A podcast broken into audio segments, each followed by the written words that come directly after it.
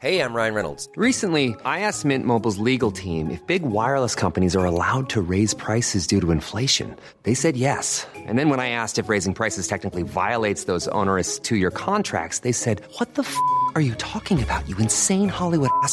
F- So to recap, we're cutting the price of Mint Unlimited from $30 a month to just $15 a month. Give it a try at mintmobile.com slash switch. $45 upfront for three months plus taxes and fees. Promo rate for new customers for limited time. Unlimited more than 40 gigabytes per month. Slows. Full terms at mintmobile.com. Den där, den här bruden som du håller på med. Eller nu inte Prata inte för mycket nu. Det här är en podd. Kan vi klippa tillbaka? Ja, jag får klippa i början. Nej, den har ingen lag. Välkommen till ett nytt avsnitt av podcasten Cyril och Stig. Cyril, det är jag, Cyril Hellman. Stig är författaren Stig Larsson. Ja, idag sitter vi här hemma hos mig, Cyril på Kungsholmen och med oss har vi Dorpech Kobanes. Kurdisk bakgrund, svensk eh, utbildad eh, fysioterapeut vid Karolinska som anslöt till YPG, kurdiska folkets försvarsenheter i Rojava. Du har varit där hur, hur länge? Jag har varit där ett år och nio månader. Och kom hem för ganska nyligen sen. Två och en halv månader sen ja. Stämmer. Vad fick dig att åka? För jag vet du har familj och allting här i två barn. Stämmer, jag har två barn och fru också. Eh, med tanke på det som hände i slutet av 2014. Eh, att eh, Isis, det vi kallar Daesh-terrorister attackerade Shengal i, i, i norra Irak där kurdiska yazitier bor och samtidigt så attackerade de även Kobani. De omringade Kobani så, de, så destruktivt, så omänskligt så eh, med tanke på att vi var ju långt ifrån, vi kunde inte göra någonting. Och det, det, det störde mina mina ätvanor, sömnstörningar. Jag kunde knappt eh, vara hemma längre utan jag tänkte bara på folket där nere, hur de led. Det var tusentals kvinnor där som, som Ja, tillfångatogs Flera tusen. Och många kvinnor borta och många barn framförallt. Hundratals barn. De dog utan vatten, utan mat och sen många eh, såldes på gatorna för, för, för eh, jag menar så värde som 25 dollar av just de här terroristerna. Och det här kunde jag inte smälta i mig. Som människa. Jag är kurd, okej, men jag är uppvuxen i Sverige. Men jag tog det här som en människa. Jag tyckte en som mig som har den här professionen som fysioterapeut. Med tanke på så många martyrer, så många döda av civilbefolkningen och så många barn och kvinnor som led av det här. Jag tyckte en som mig som borde vara där och hjälpa till de skadade. Det var det som var största anledningen att jag åkte ner. Och sen, du, du blev också verksam som, för det var brist på läkare, så din roll blev läkarens också. Ja, Min roll blev en krigsläkare självklart. Och sen också även delta i strid till slut. Jag var tvungen för att när de attackerade oss, omringade oss, vad ska vi göra? Ska de komma och ta oss levande och slakta oss? Och, och, och sen helt enkelt, vi måste ju kunna försvara oss mot sådana eh, terrorister, sådana ockupanter. Eh, omänskliga, jag kan inte ens kalla dem för djur, för djur är någonting som är, man älskar. Det är ju ett levande. Men de här eh, utan det här är ju vansinniga kriminella pedofiler, eh, våldtäktsmän. De här är även nekrofiler. Man har hittat väldigt mycket knark i deras fickor. Från amfetamin, hashish, kokain, rohypnol och sen eh, många tabletter som är, eh, är förbjudna i dagens läge i hela världen. De hade det. Just därför de här människorna, och samtidigt många av dem är hjärntvättade. Och, och sen tänk att av de här terroristgrupperna är eh, nästan från, olika, eh, nästan från 40 olika länder. Från Sverige har jag träffat. Somalier från Sverige, från Örebrotrakten. Vad, träffade du då? Fångar? I Kobani. Nej, de var skjutna. Ena var död och den andra, eh, helt plötsligt hörde jag att det är en svensk pass. Då sprang jag dit och kollade. Det var en, en svensk eh, från Somalia och han var svårskadad men han kunde prata. Mm. Jag har ingenting emot somalier så inte folk missförstår mig. Det fanns Nej, men det har varit en, en invandrargrupp med just många. Absolut, det fanns folk från USA, från. England, från Tyskland, från Frankrike, från över hela världen. Från Malaysia, från Indonesien, från Pakistan, från Libyen, från Afghanistan, från överallt. Ja, jag var där också i Syrien Ja. och vi såg mycket från Indonesien framförallt. Precis. Pass och så. Mm. Och den här svenska medborgaren som jag var i närheten, jag pratade med honom. Jag, jag ställde en fråga bara. Vad gör du här? Jag är här på jihad. Men han var rädd. Så han, hans ögon, han visste varken in eller ut. Han var så pass rädd så att man inte kunde göra något. Vi försökte hjälpa honom, ta till sjukhuset. Men han, han dog på vägen. Så att han var Hur, hur gjorde ni med fångar? Eh, För när jag själv var där, jag, jag fick ju reda på en del som, som jag inte har lust att berätta om helt enkelt. Men alltså tog, tog, man, tog, tog ni krigsfångar? För det ska man ju enligt FN göra, eller? Alltså vi hade ju eh, krigsfångar självklart. Men de tog in till sjukhuset om de var skadade. Vi, vi plåstrade om dem, vi hjälpte dem. Och eh, förfinade dem så att de sen till slutändan var, då hamnade de i fängelse. Och, och ingen tortyr, inget omänskliga agerande mot dem har jag aldrig sett. För det hände inte. Jag såg hur eh, en människa kan tas hand om. Det var ju de gjorde. Men det är väl också... Jag vet, jag, jag snackade med en kille som var med i Arkans tigrar i, i eh, Jugoslavien, i Serbien. Serbisk milisgrupp. Ja, han berättade att han sa det är inte för att jag är en god människa utan det är därför att jag vill inte bli skadad. Alltså om jag ska döda någon, okej jag dödar den personen. Men jag gör inte övergrepp och håller inte på och skadar, torterar. Därför då blir jag ju psykiskt skadad själv. Va? Och jag får leva med det hela mitt liv. Va? Och han sa de som inte hanterar det här. Det var människor som inte hade vana för han hade vana som gangster. Va? Han hade vana att hantera det våld. Alltså vi som hanterade våld tidigare eh, vi visste det här. Men de som var kontorister, vanliga människor, ge dem en kalasjnikov. Åh, vad vet man? De blir ett monster. De får makt. Men jag kan säga så här, det har hänt kanske ett och annat tillfälle där eh, vissa JPG-krigare som inte kanske kunnat tålamod, ha tålamoden kanske gett ett par klappar. Men jag vet att en del har åkt i fängelse just av JPG. För att de har agerat så. Men ja. när det gäller tortyr och sånt där och omänskliga agerande, det händer inte. Och det beviset är faktiskt att de har visat på TV också. De själv uttalade Daesh-medlemmarna. Sen de förvandlas också. De, de kommer till andra sidan. Det, precis, men för det, det är ett problem jag pratade med en del krigare om och sånt även där på plats. Att, att hur återanpassa de här, det här är ju inte som vanligt, det här är inget vanligt krig. Så hur, hur återanpassar man de här de som, som krigar efter religiös övertygelse. I, I Sverige har man ju då till exempel att man vill till och med, man måste, man måste ju på något sätt bota dem när de kommer tillbaka. Men, och i Sverige har det pratats om jobb och, och körkort och grejer som är, sticker folk i ögonen. Med all rätt. Men, men vad ska man göra med dem? Eh, alltså min, vad jag tänker för att kunna överhuvudtaget bli en Daesh, alltså IS-medlem då måste du kunna slakta sju personer först och främst. Det här, det du säger till mig, vad svenska regeringen kommer att göra. Nu vet jag inte om de kommer att göra det, hoppas inte det. Då, kommer, då pratar vi om att ta hand om en människa som har slaktat minst sju personer. De har våldtagit, de har gift sig med småbarn som är 4-5-åringar. De har våldtagit bebisar som är 3-4-åringar. De har slaktat en hel familj. Vi har sett dem. På vissa tillfällen när vi plockade, vi gick in i huset där 11 personer slaktade. Där var fyra stycken barn. Då vet vi inte vilket huvud som tillhör till vilket barn. Det är vad de har gjort. Återanpassa en sån person i det här samhället. Nej, nej, nej. Snälla du. Vi kommer att, vi kommer att förstöra det här samhället. Det här är ett virus. Det här är ett virus. De här förtjänar inte. Jag tycker de borde inte släppas in i landet. För du kan inte återanpassa en sån person. Och gå till psykiatrin. Jag har jobbat inom psykiatrin i 8-9 år. Jag har jobbat eh, många år. Jag har väldigt stor erfarenhet. Procentmässigt, titta på de vanliga diagnoserna. Procentmässigt, hur pass många har blivit bättre? När du har en sån vansinnig ärende att ta emot och återanpassa. Det går inte. Jag tror inte på den här idén. Att ha de här, de här terroristerna i våra dagis och arbeta, ha de här terroristerna i skolorna och arbeta, ha de här terroristerna och bli lärare till våra barn. Nej. Vad säger du Stig? Alltså det är ju... Problemet är det här att det som kommer att hända de här kommer att komma tillbaka till Sverige. Och jag är ju så här pragmatisk. Jag vill inte se ett Syrien eller ett Irak i Sverige.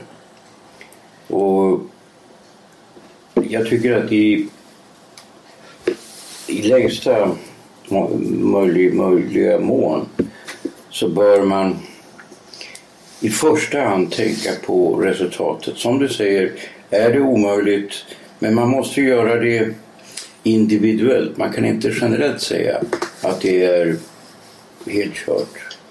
Men om det inte är fullständigt Daesh-medlem, IS-medlem, självklart. Det här händer även i Rojava, där jag kommer ifrån. Jag har tagit emot väldigt många människor just som har ingått i den här rörelsen. Och så just nu JPG och JPG i Rojava har tagit hand om dem. Men de är inte officiellt fullständiga medlemmar. De har varit med dem och hjälpt dem självklart också. Men de här nu har ångrat sig och kommit tillbaks och nu lever de precis som ett vanligt människa. Det, det är en annan sak. Vi pratar om Daesh-medlemmar, IS-medlemmar som är fullständiga medlemmar. Men kan man säga, alltså jag menar om vi säger nu att Mosul faller. Och sen Eh, öka. Ja men det är ju inte så att de kommer att ha en skylt och säga jag är fullständig Isis. Nej, de, du, du berättade, för det, så, alltså, du och jag känner ju inte varandra men du, du ringde in dina kröniker som vi publicerade på vår, vår eh, webb-tv-kanal kontro.se. Och då, och då, så då ringde du till mig och, och så skrev jag ner dina kröniker. Och vad jag förstår från, från de krönikerna så det, har ju gått bra för YPG och ni har erövrat till, tillbaka och även ny mark. Men då när ni kommer så många flyr och rakar av sig skäggen och försöker klä ut sig till kvinnor. Och, och, Precis. Så Eh. alla dör inte martyrdöden. Nej, nej, nej, nej, nej. Och sen också när de blir tillfångatagna, de är jätterädda. Ja. Då är det inte som det beskrivs på tv och media. Eh, De är ju som kycklingar när de grips. Fast 5% av dem som kommer från Dagestan eller Tjetjenien eller Afghan eller Libyen som är riktigt, riktigt eh, narkotikapåverkade. De kommer, det första de säger, döda mig, fortsätt att hamna i, i, i paradiset. Det finns sådana också. Ja, jag var ju, jag var ju i eldstrid med is och då, då, var det, då flydde hälften. Och hälften, eh, alltså de som jag var med lyckades skjuta några men de vägrade ju upp och till slut kom franskt flygvapen tror jag var, och jämnade byn med marken. Så de då valde att dö. Ja, verkligen. Men Men- det som var det läskiga att de vägrade ju upp. Jo, precis. Det är de som är ju hundraprocentiga medlemmar. De ger inte upp. De har även eh, bandbomber runt kroppen. Jag såg eh, med mina egna ögon, jag var i den gruppen och vi skulle från en kvarter till nästa. Och då var det just Daesh i själva Kobani 25 eh, juni 2015. Då var vi tvungna att skydda civilbefolkningen och, och- sen också plocka våra skadade på gatorna. Det var riktigt farligt och de kunde finnas precis var som helst. Helt plötsligt från tredje våningen. Antagligen hans ammunition hade tagit slut. Två handgranater och det som räddade oss när han skrek tekbir, Allahu Akbar. När vi tittar uppåt och han hoppar där och så springer vi. Han har två handgranater och så fort han hamnar ner, boom. Det hände inte oss något för att vi skyddade oss direkt. Jag menar, en människa, hur kan en människa göra en sån här grej? Den här agerandet det är inte mänskligt längre. Nej. En sån människa, hur ska vi kunna återanpassa i samhället? Det är det jag menar. Men samtidigt som är med dem, de som har blivit arresterade, jag vet en del är släppta också. Som nu, just nu samarbetar med EPG. En del grupperingar har gått ifrån dem och gått in med EPG och samarbetar med EPG också. Så det här hade vi, vi pratar inte om generellt. Vi pratar om fullständiga medlemmar. Och då pratar vi om eh, eh, svenska regeringen. Hur ska de ta reda på vem som är fullständig och vem som är icke fullständig? Ja. Där har vi problemet. Och just därför, har, de, har man varit i krig så pass länge då ska man sätta stopp för det, tycker jag. Ja. Om vi inte har, vi vill ha problem framför våra lägenheter, våra dagisar, våra skolor, i vårt samhälle. Något, något jag tycker, i och för sig så skulle det medföra större risk för terrorhot i Sverige. Men det är ju att Sverige borde gå med i NATO-alliansen precis som Danmark. Och på så sätt kan man döma Isis, Isis de som ansluter till Isis för för- förräderi mot Sverige. Alltså, en sak måste vi veta. När vi tittar på media, läser tidningarna, Facebook, Twitter, Instagram. När man ser vad som händer där nere. Det här för vissa människor det känns som lek. De, för dem betyder ingenting. Men de måste, det viktigaste, de måste tänka att det här är faktiskt riktiga människor. Det är riktiga familjer. Det är riktiga barn som blir slaktade. Och varje människa har en pappa, mamma, syster. Tänk vilka, vilka fruktansvärda eh, problem de här familjerna kommer att uppleva. Vilken rädsla. Mm. Så därför, det här är ett globalt problem. Det, är inte bara, handlar om, det handlar inte bara om kurder. För det finns det är inte bara kurder där nere. Okej, 85 procent är kurder som lever där nere i norra Syrien. Men det finns armenier, det finns syrianer, assyrier, keldaner, det finns araber, det finns turkmener, tjetjener. Och alla lever som bröder. Jag har träffat många. Jag, jag vet många turkmener som är krigare i YPG och YPG. Jag vet tjetjener också. Men riktiga, de är ju människor. De vet vad som händer. De är inte hjärntvättade. De vet eh, realiteten, vad som händer i Mellanöstern. Och, och det här går ju bara värre och värre. Går djupare och djupare. Vi måste ju samarbeta. Eftersom det här är ett globalt problem. I alla länder. Det handlar inte om att vi måste gå till en front och kriga. Nej. Med våra pennor, med alla möten vi har. Vi måste prata med varandra.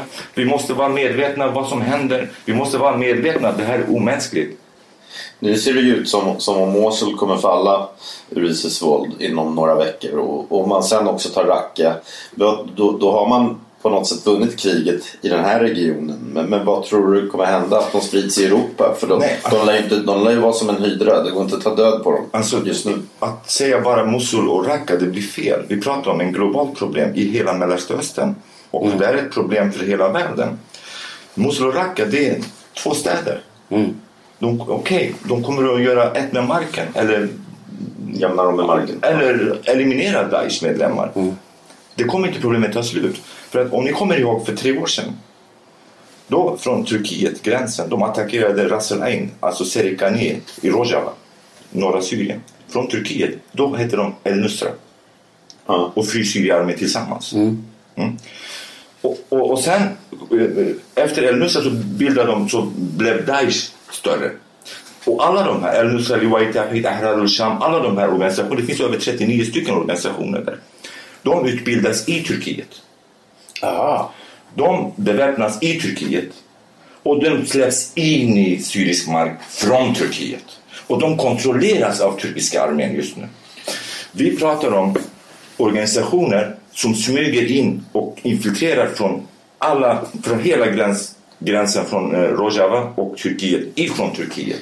I dagens läge, officiellt nu, Turkiet har tagit rollen för både El-Nusra och Daesh och alla andra organisationer. De försöker, vad har Turkiet med Mosul att göra? Vad har Turkiet med Raqqa att göra? Vad har Turkiet med Syriens inre problem att göra?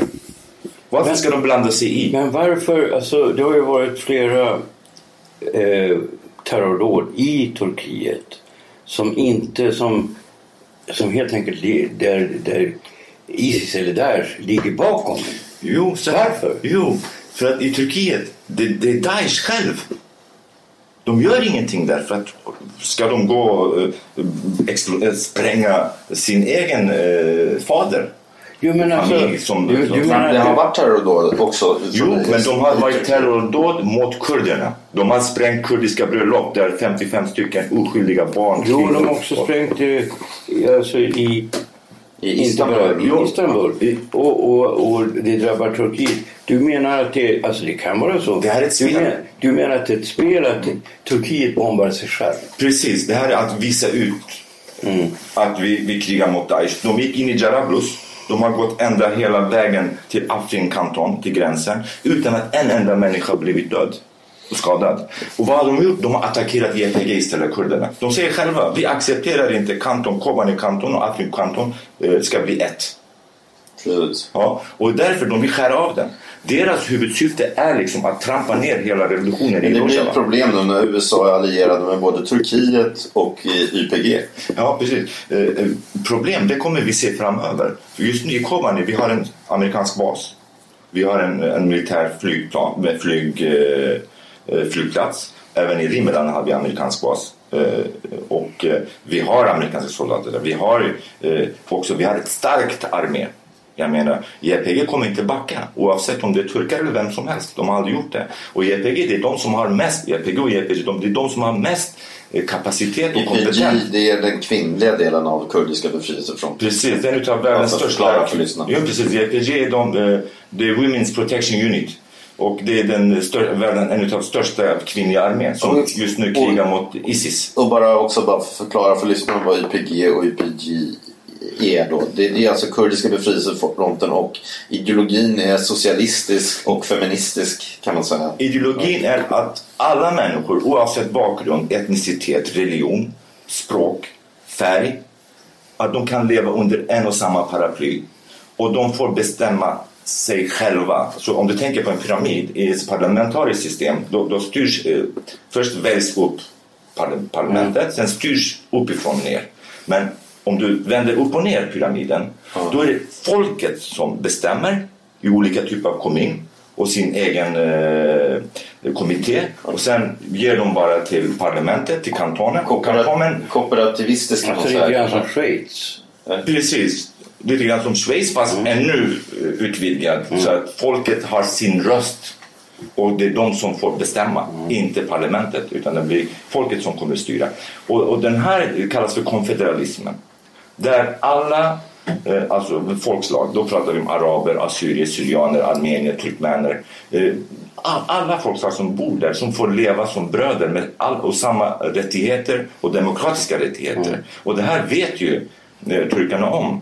Men vad turkarna är rädda för, att turkarna är rädda för att det här kommer att antagligen eh, störa kurderna även i Turkiet. Mm, Så, och, och de är rädda för den stora Kurdistan, att stora Kurdistan ska bildas. Alltså hur pass stor procentandel, om vi tar östra Turkiet, jag har ju varit där, jag har varit i Mardin och Midjat och Diyarbakir. Va?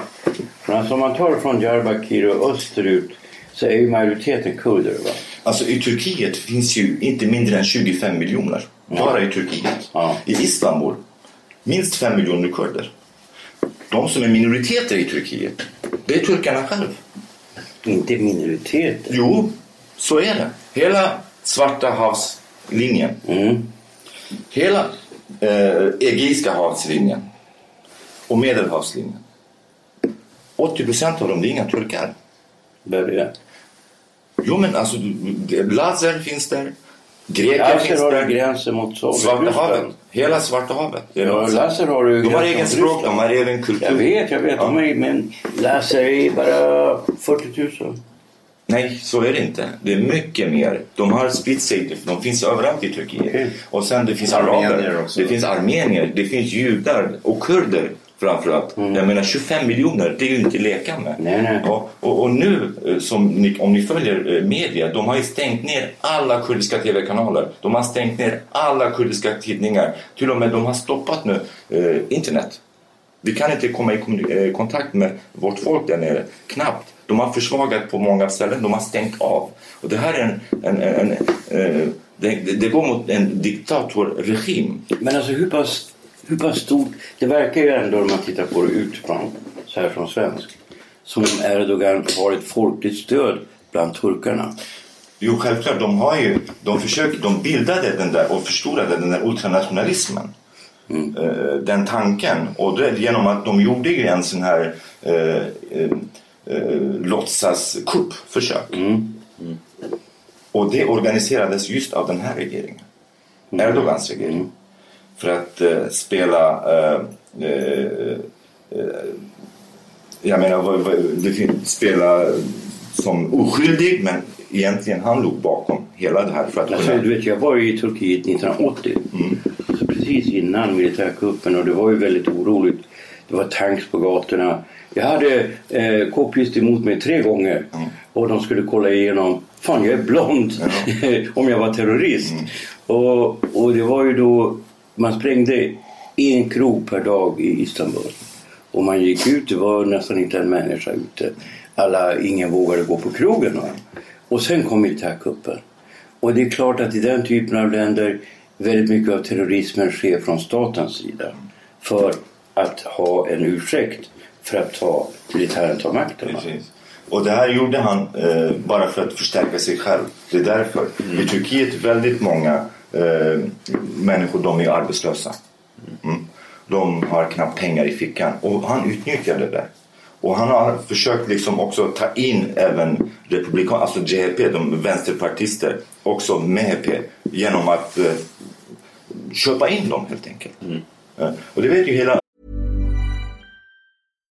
Hi, I'm Daniel, founder of Pretty Litter. Cats and cat owners deserve better than any old fashioned litter. That's why I teamed up with scientists and veterinarians to create Pretty Litter. Its innovative crystal formula has superior odor control and weighs up to 80% less than clay litter.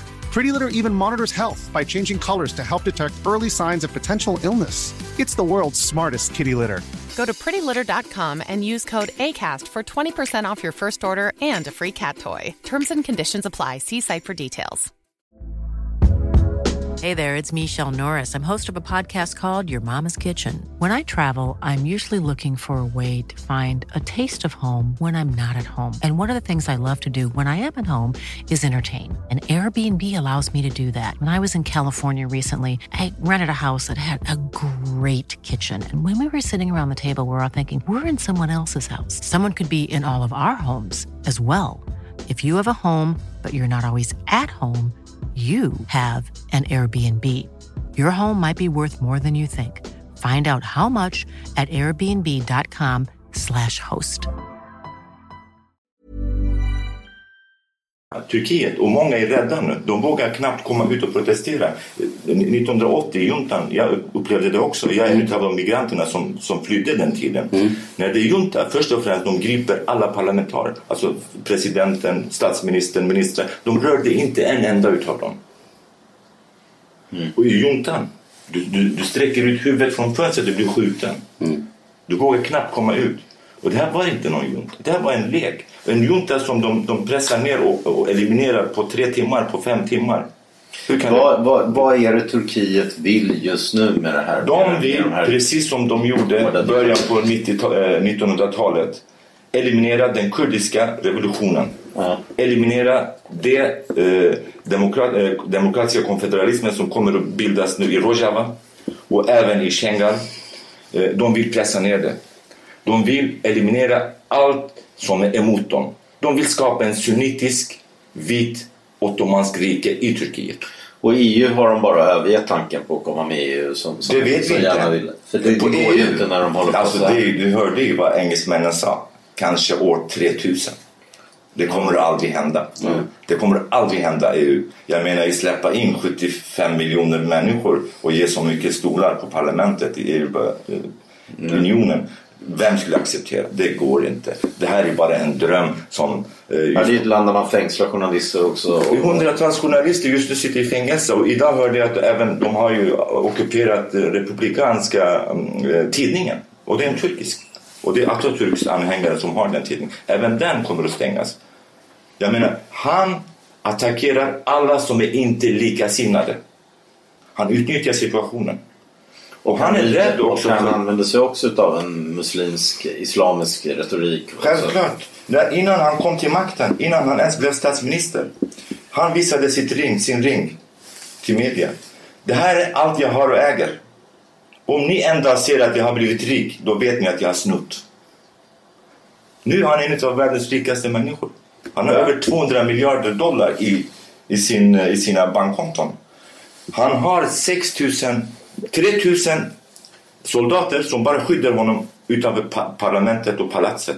Och han har eh, cirka 6000 special, från, eh, specialutbildade soldater och militärer som bara skyddar hans familj.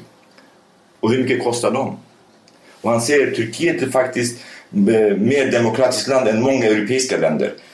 En tysk utrikesminister kan gå till parlamentet med cykel. Från Belgien cyklar till parlamentet.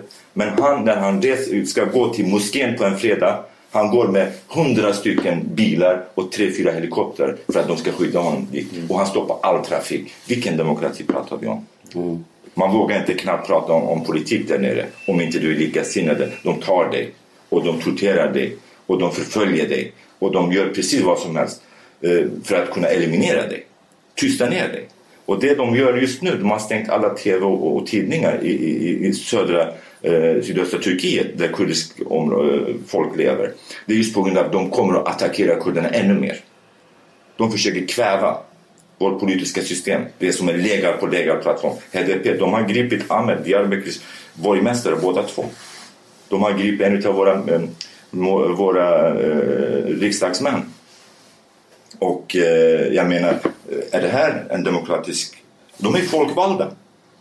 De har tagit alla borgmästare i, i sydöstra Turkiets städer eftersom de är alla kurdiska och de är valda av folket. De har gripit alla och tagit till tvång alla eh, eh borgmästeri och, och, och sen styr, försöker de styra själva med militären. Är det här demokratiskt? Mm. Nej. Men Irak har sagt nu att de vill inte ha med dem där i, i tåget mot Mosul, eh, har jag förstått. Nej, precis. Och det Erdogan försöker göra. Han vill försöka samtidigt skydda sin familj eftersom de vet att om nu den här processen inte går igenom, de kan bli eh, anklagade, de kan bli gripna, de kan bli mördade. Eftersom han går ju på hela tiden. För att i slutändan, det finns två saker. Antingen ska han bli eh, eh, statsledare eller så kommer de elimineras. Han gör en, en, en jättefarlig game och det här gamet kommer att kosta miljoner människors liv i Mellanöstern, framförallt i Turkiet, Syrien och Irak. Och han spelar ett väldigt, väldigt fult lek. Och den här leken kommer vi, kommer vi se, uppleva, inte långt härifrån, max ett år. Och det kommer att påverka hela världen. Det kan jag lova er. För att just därför måste man agera även mot Erdogan. Det är han som, hela världen vet, Ryssland vet, amerikanerna vet, fransmännen vet, engelsmännen vet. De har satelliter, de ser. De vet att turkarna, det är de som utbildar Daesh, al-Nusra, Luwai Tahrid. Fri Syriarmé, var är Fri Syriarmé? De finns inte. Jag menar, de gjorde ju eh, arabiska våren för att kriga mot kurderna. Vad är frågan om? Vad är frågan om? Nej, det var en alltså väldigt stor... Alltså, när den arabiska våren kom så var jag väldigt skeptisk. Därför att den var ju... Det var ju väldigt entusiastiskt här i väst. Man sa den arabiska våren, vi får demokrati. Men jag tänkte, vad kommer att hända? Alltså, här i Europa, de flesta människor som är journalister och intellektuella, de förstår inte att det är andra typer av samhällen. Majoriteten av befolkningen lever på landet, är mycket konservativa. Och eh, jag menar om du tar Syrien till exempel så levde de flesta under djup fattigdom och var bönder eh, och var sunnimuslimska. Eh, jag menar de var inte bloggare och var feminister och progressiva. Nej, nej, nej, nej, nej. Alltså när man försöker sätta igång en revolution så måste man tänka efter. Är det här tekniskt sett överhuvudtaget genomförbart? Annars blir det samma sak som Baader-Meinhof i Tyskland. Ja, men det som sker i Rojava i norra Syrien, egentligen JPG, de vill inte ha någon fritt Kurdistan. De vill ha ett demokratiskt Syrien. En kanton. Ja. Nej, de vill ha för hela Syrien. Ja. att De vill ha ett, ett, ett syr, demokratiskt Okej. Syrien. Så alla människor får leva tillsammans. Så att människorna får, kan, de får bestämma sig eh, över sig själva. Det tror jag är helt orealistiskt. Alltså jag tror att när du har den här typen av... Alltså det som kommer att hända, alltså jag vet inte men vad jag tror. Det som kommer att hända nu eh, det är att om läget stabiliseras mer än vad det har redan gjort. Jag menar Syrien är ju redan nu, stora delar av Syrien, framförallt kring Damaskus och kring kusten, är ju liksom inte i krig. Jag menar det går ganska bra för dem i VM-kvalet i fotboll. Ehm, jag menar, det människor lever en, en vardag. Det är lite bomber, men det är det ju också i andra länder. Eh, jag tror ju att stödet för Assad kommer att vara massivt bland befolkningen. Man kommer inte att vilja ha intellektuella som talar om feminism och konstiga saker. Nej, nej, nej, nej, nej. Man vill ha ordning och reda. Därför att de flesta människor, de vill kunna gå. Om vi säger vi är på Kungsholmen nu. Och du vill kunna gå till Vasastan utan att passera tre militärspärrar. Och kanske betala med ditt liv eller betala pengar. Ja, det är det viktiga för dig. Inte om du har olika idéer om frihet för homosexuella och så vidare. Va? Men samma sak även i Rojava. Folket som bor där. Även om det blir en referendum, om det blir en, en, en, ett, Ett val. val, ja. De skulle ju direkt säga att vi vill ha den här konfederalismen. För att det byggs ett system där. Det är just på grund av det där fina systemet som håller på att byggas. Det är därför de tar över mycket mark. Det är inte att de erövrar utan de skyddar sin egen mark. Jo, de jag- kämpar mot att De bli... kämpar mot Det finns också mycket oljerikedomar nu som, som kanske då ska tillhöra kurderna själva. Nej, det, äh, Kurdistan Ja. på alla fyra delar. Då pratar vi om Iran, eh, Irak, turkiska delen och Syrien. Om du räknar hela som ett. Det är en av de fem absolut rikaste länder i hela världen. Vi har mycket olja. Vi har borr. En av världens absolut största reserverna. En hel berg. 300 kilometer. Det är 20 centimeter under, det är borr. Och sen är borr? Borr, det är en, en, ett, ett, ett, en malm. Ja. Ja, det, är, det finns i, i- i Kurdistan, det är en av de absolut största Mm. reserverna. Sen har vi gasreserver som skulle kunna räcka till hela Europa i 75 år om du öppnar kranen, dygnet runt. Sen har vi guld under Jazira-kanton. Sen har vi vatten, dricksvatten, Eurofrat och Tigris. Mm. Sen har vi den fina naturen som vi har, vi har våra berg. Sen har vi de fantastiska människorna, kurderna. Vi pratar om 40 miljoner människor. Ja. Så det här inte- förklarar varför 40 miljoner människor inte har ett eget land fortfarande. Precis, rikedomarna. Och det här utspelet som går ut på att ryssarna, amerikanerna, engelsmännen, fransmännen, alla är där. Vi pratar om 63 länder som är där inblandade i det här kriget. Det handlar om rikedomarna. Det handlar om hur de ska fördela det här. Inte för att vi inte vet om det. Men vi måste ju kunna göra en fin ideologi för att kunna skydda vårt folk. Och JPG gör ett väldigt, väldigt fint eh, dialog med de flesta. Men det enda riktiga är att de skyddar sitt folk och står på sina ben. Och jag har upplevt det där. Jag är stolt att jag är en av dem. Jag är stolt att jag har bott där ett år och nio månader. För att jag har lärt mig mycket mer. Jag har förändrats från ett steg till nästa. Jag har blivit mycket mer som en människa nu. Jag kan liksom värdera saker och ting eh, bortsett från vad som finns i Sverige. Inte för att jag ska äga en bil eller ett hus. Nej, det är inte min första prioritet. Utan hur jag ska kunna respektera människor. Hur ska jag ska se till att människorna inte krigar. Hur ska jag se till att människor ska tycka om varandra. Älska varandra. Det är vad jag har lärt mig från dem. Under så pass mycket krig de gjorde. Jag har haft över 28 000 patienter. Då pratar vi om... Ja, På ett år ungefär. Eller? på ett år, det är min sista rapport. Dagligen hade mellan 70 och 130 patienter varje dag. Då kan du räkna ut på ett år. Mm. 28 200 patienter. Då pratar vi om patienter. Det är mina vänner pratar vi om. Vi pratar om våra döttrar. Vi pratar om våra pojkar. Ja? Och civila och barn framförallt. Det finns ingen som är svag eller mindre skadad. Tänk, de är bombskadade. Tankbombskadade, raketer, Kalashnikov, Bixi. Det fanns en del som hade fått 12 skott. Jag hade 28, 29 eh, patienter senaste tiden som hade fått skott i huvudet. Som inte kunde ta ut skottfragment. Och de överlevde. Jag hade patienter som blev skjutna på 12,5 dorskas från ryggen och exploderade i magen. De är paretiska ner till, men de överlevde. Jag Hur, klarade du det? Hade du experthjälp från Sverige också? Eller? jag fick, vi har en telefon, eller? Ja, alltså tack på grund av eh, de information som jag kunde dela. Tack för Kontroll.se, framförallt dig och eh, Theo.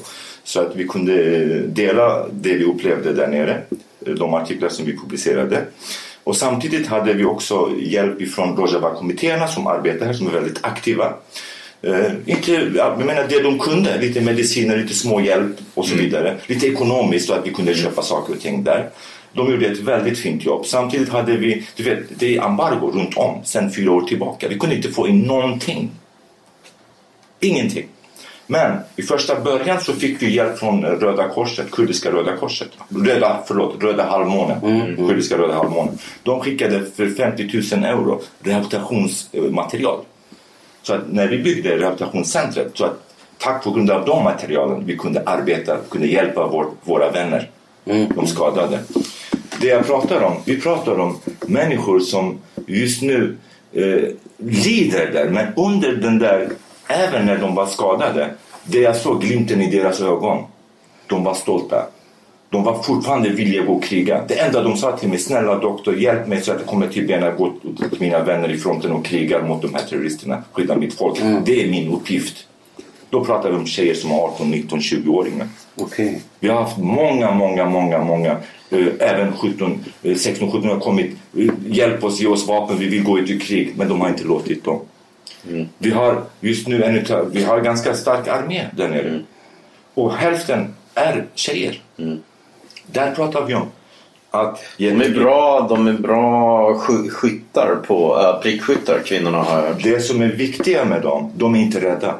När de står i en frontlinje, de backar inte. Och det vet Daesh om, det vet turkarna om. De kan dö, men de lämnar inte sin plats. Och det som skrämmer fienden. Och just därför JPG och JPG vinner, går framåt hela tiden. Och där pratar vi om också kärleken till deras ledare, Abdullah Öcalan. Kärleken till deras folk och kärleken till deras heder och kärleken till deras mark. Mm. De säger så här, vi är skyldiga till våra eh, land. Och vad är mitt liv när jag kan skydda mitt land och stå där? Då pratar vi om tusentals soldater. Du, du var också med om den här hemska händelsen som det skrevs och togs upp på nyheterna även i Sverige när, i, i Kobane när alltså Isis klädde ut sig till YPG förra året. Klädde ut sig till YPG och eh, gjorde en massaker där inne i Kobane. Stämmer. Det var flera hundra som dog. 251 Var det sjukhuset du jobbade på? De, Jag var ansvarig för sjukhuset de dagarna. Och eh, jag var ju säkerhetsansvarig och jag var också läkaren i sjukhuset. Och eh, det var, det går inte att beskriva det för att eh, först och främst vi visste inte vad som hände. För att det kom ju plötsligt. Vi blev överraskade. Jag låg i sängen och sov. De knackade på min dörr. Doktor vaknar. Vad är det som händer? Då hör jag bomber och, och, och jag menar det är som en öppen krig. Jag bara, vad är det för något? Så sprang vi ut. Och när vi sprang ut och kollade och helt plötsligt var vi själva eh, ett mål. Och då sköt de oss. Min kompis som sprang med mig, han ramlade ner. Och jag blev skjuten. Och helt plötsligt jag också. Och jag kastade mig ner. Jag blev skjuten också. För att jag hade en jacka för att det var i morgon. Alltså 4.45 på morgonen. Och sen efteråt när jag såg att det är ingen blod på mig. Och så sprang vi och jag tog min vän bort därifrån. Då hade det gått fyra skott i mina kläder hade, tog, de i kroppen också? Eller, eller? Nej, i mina kläder. För att det hade antagligen blivit så här så, i mina kläder. Men jag ramlade alltså av just den här trycken som kom för att det var explosiva. Och, eh, och sen då tänkte vi det här är någonting som inte stämmer. Och därav, eh, sen efter då började vi liksom utrusta oss, var vi tvungna att skydda oss. Vi visste inte vem som var man. Och så ringde de oss per mobil, per eh, walkie-talkie att det här är ju Daesh, de är överallt, de har klätt sig till JPG, alla tar sina positioner. Därav eh, första tre fyra timmarna så vet vi att vi förlorade faktiskt 251 martyrer i Kobani. Men successivt eh, JPG och JPG med sin smarta drag eh, de eh, isolerade dem på varje punkt och de eliminerade dem. De tog också gisslan en hel del. Ni hade också, ni hade också en eh, spion inne hos Isis har jag förstått. En som, som, Precis. eh, som mickade med deras granatgevär och sånt så att de inte exploderade. Ja, precis, alltså, det var i början. Det var när de hade omringat Kobani. Så eh, nästan 80 procent av eh, granatbomberna, de, de är ganska stora alltså. De är ju typ 50, 60, 70 centimeter stora såna här. Och de, de, de låg ju överallt. De finns på min Facebook-sida också bilder. Och det var ju typ var femte meter, var tionde meter en sån bomb som inte hade exploderat. Och hade de exploderat så hade inte Kobani funnits. Och sen Daesh kollar upp det här. Vad är det som händer varför exploderar inte de här bomberna? Så kollar de upp det. Den som gör de här bomberna. Det var från Minbic, en kurd. Och han fejkade med tändhattarna. Så att, ja, det var en kurd. Och så kollar de upp det. De förhör honom, torterar honom och sen de, mitt i Minbic, de slaktar honom. Det var just på tack vare honom att eh, alla bomber inte exploderade. Mm. Annars hade inte Kobani funnits. För det var tusentals bomber som inte hade exploderat, olika typer. För han hade mixat med tändhattarna. Eh, för att jag själv, jag blev skadad av en sån bomb senare. Tid. Eh, jag fick ju från min mesta axel och sen fick jag i pannan. Här, precis. Jag, det var nära mina ögon också. Men jag var inte, inte rädd eftersom eh, för oss, det var ju bara ett, ett, eh, att leva igenom det. Utan I början vi var ju rädda, självklart, första andra månaden. Men sen rädslan, vi övervann den. Utan Meningen var att vi ska, hur ska vi skydda vårt folk, civila och våra patienter? Man ser väl det att i början när man är i en krigssituation så är de första dagarna så finns det en skräck. Jo, Men när du har överlevt så får du en känsla av att vi var inte alls rädda. nej, nej, då, då är du osårbar. Men sen, det har man upptäckt när man studerade amerikanska soldater i Vietnam. Att om du blir skjuten i handen, du förlorar inte medvetandet. Och då kommer traumat. Därför att, därför att då, då kommer alltihop, för du har skapat ett, ett sorts mentalt skydd runt dig. Va? Och sedan rasar allting emot dig och du får stor, stora psykiska problem. Jag hade ju kul ovanför huvudet men jag fick faktiskt konstigt nog ingen posttraumatisk stress. Men, men Men eh, det var ju, då var man rädd när, när kulorna ven. Det kan jag säga. Fick du, har du fått posttraumatisk stress? Eh, ja, så här kan jag säga. Så länge jag var i Kobani och även de första tio dagarna sen och när jag återvände till Sverige. Det var ingenting. Men sen efter tio dagar helt plötsligt kändes att jag var väldigt, väldigt trött i kroppen. Jag hade ingen ork att göra saker och ting. Och så helt plötsligt sakta men säkert. Och det här märkte också min familj. Jag fick flashbacks. Ja. Alltså de saker och ting som jag var med om. Mina patienter och civila, och framförallt barn och kvinnor. Och det var, det jag får det fortfarande. Eh, Du vänder om och så här också. Och, Precis, och sen också mardrömmar. Jag fick... Eh, jag vaknade ju så vid ett tillfälle, jag var helt plötsligt öppnade ögonen, jag är i köket och jag bara, min, jag ser min fru liksom och bara typ, vad gör du där? Jag bara, Daesh är i närheten, Daesh är i närheten. Fick rapport. Och det var helt plötsligt, de bara, vad gör du? Och så vaknar jag, så går jag och lägger mig. Va? Sen har jag sökt hjälp för det. Eh, jag får ju mediciner så att eh, det är lugnt, det här är ju kontrollerat. Men när jag tänker att om jag kan, i min profession kan drabbas av det här. Då kan vi tänka på hur barnen kan må där nere. Hur familjerna som dygnet runt är med det här. Så fort någonting exploderar och skjuts. Den rädslan, då kan ni tänka er. Eh, jag är inte rädd för min eh, tillvaro just nu, så att i min hälsa, för det är under kontroll. Men jag är mest orolig för folket som bor där nere, Ja, som, som får eh, eh, liksom kämpa mot de här fula och omänskliga terrorister som Daesh och IS. Funderar du på att åka tillbaka?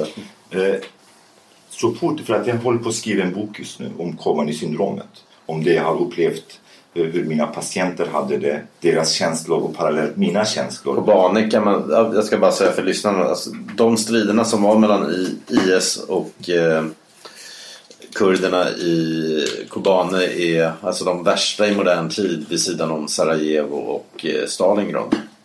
Så det pågick, hur länge var det?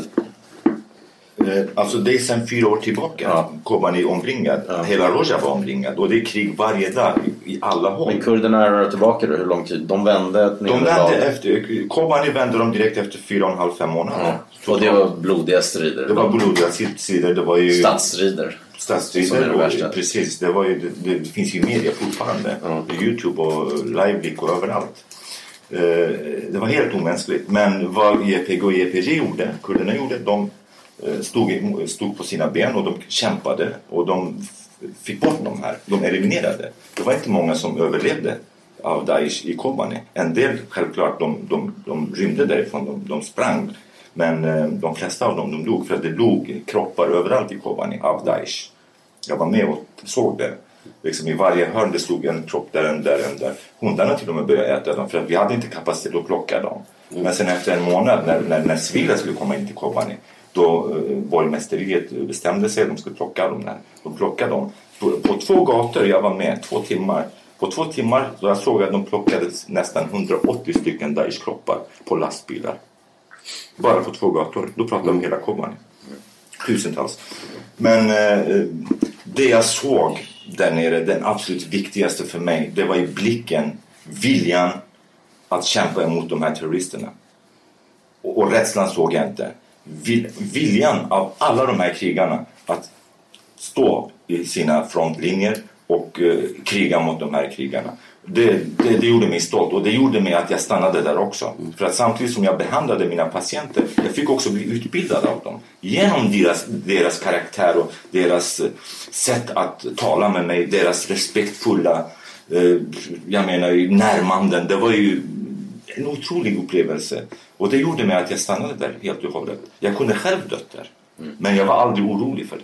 För att jag förlorade nästan 70 procent av mina vänner som blev mina vänner under den här tiden som martyrer.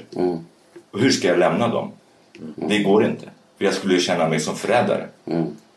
Även nu när jag, du frågar mig, för jag, jag skriver en bok nu och sen är det en film som det har gjorts eh, om där nere, en kanadensisk produktion. Så fort de här är slut, Eh, är klara, när boken är klar och eh, då funderar jag eh, så fort jag får tillfälle ska gå och hjälpa mitt folk igen. Helt enkelt. Okej, det är dags att avrunda. För, för, för de lyssnare som vill kanske bidra med något i det lilla, kan, kan de lämna donationer på YPGs hemsida eller finns det sånt? Eh, Facebook-sida? Och, Absolut, och, absolut. Det finns på YPGs hemsida och även de kan ju gå och kolla på Dorpets Kobanis Facebook-sida och där kan vi ge informationen. Det vore väldigt bra för det här är ett globalt problem där alla människor eh, borde agera. Agera med problem för, för, mot mänskligheten. Precis. Ni kan också följa Cyril och Stig på Instagram och Twitter. Ni har lyssnat på podcasten Cyril och Stig. Vi hoppas ni gillar det ni har hört och går in på acast.com och prenumererar och delar på Facebook och Twitter till era vänner.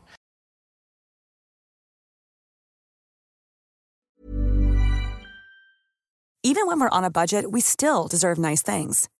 Quince is a place to scoop up stunning high-end goods for 50 to 80% less than similar brands. They have buttery soft cashmere sweaters starting at $50, luxurious Italian leather bags, and so much more. Plus, Quince only works with factories that use safe, ethical, and responsible manufacturing. Get the high-end goods you'll love without the high price tag with Quince. Go to quince.com/style for free shipping and 365-day returns. When you need mealtime inspiration, it's worth shopping Kroger, where you'll find over 30,000 mouthwatering choices that excite your inner foodie. And no matter what tasty choice you make, you'll enjoy our everyday low prices, plus extra ways to save, like digital coupons worth over $600 each week. You can also save up to $1 off per gallon at the pump with fuel points. More savings and more inspiring flavors make shopping Kroger worth it every time. Kroger, fresh for everyone. Fuel restrictions apply.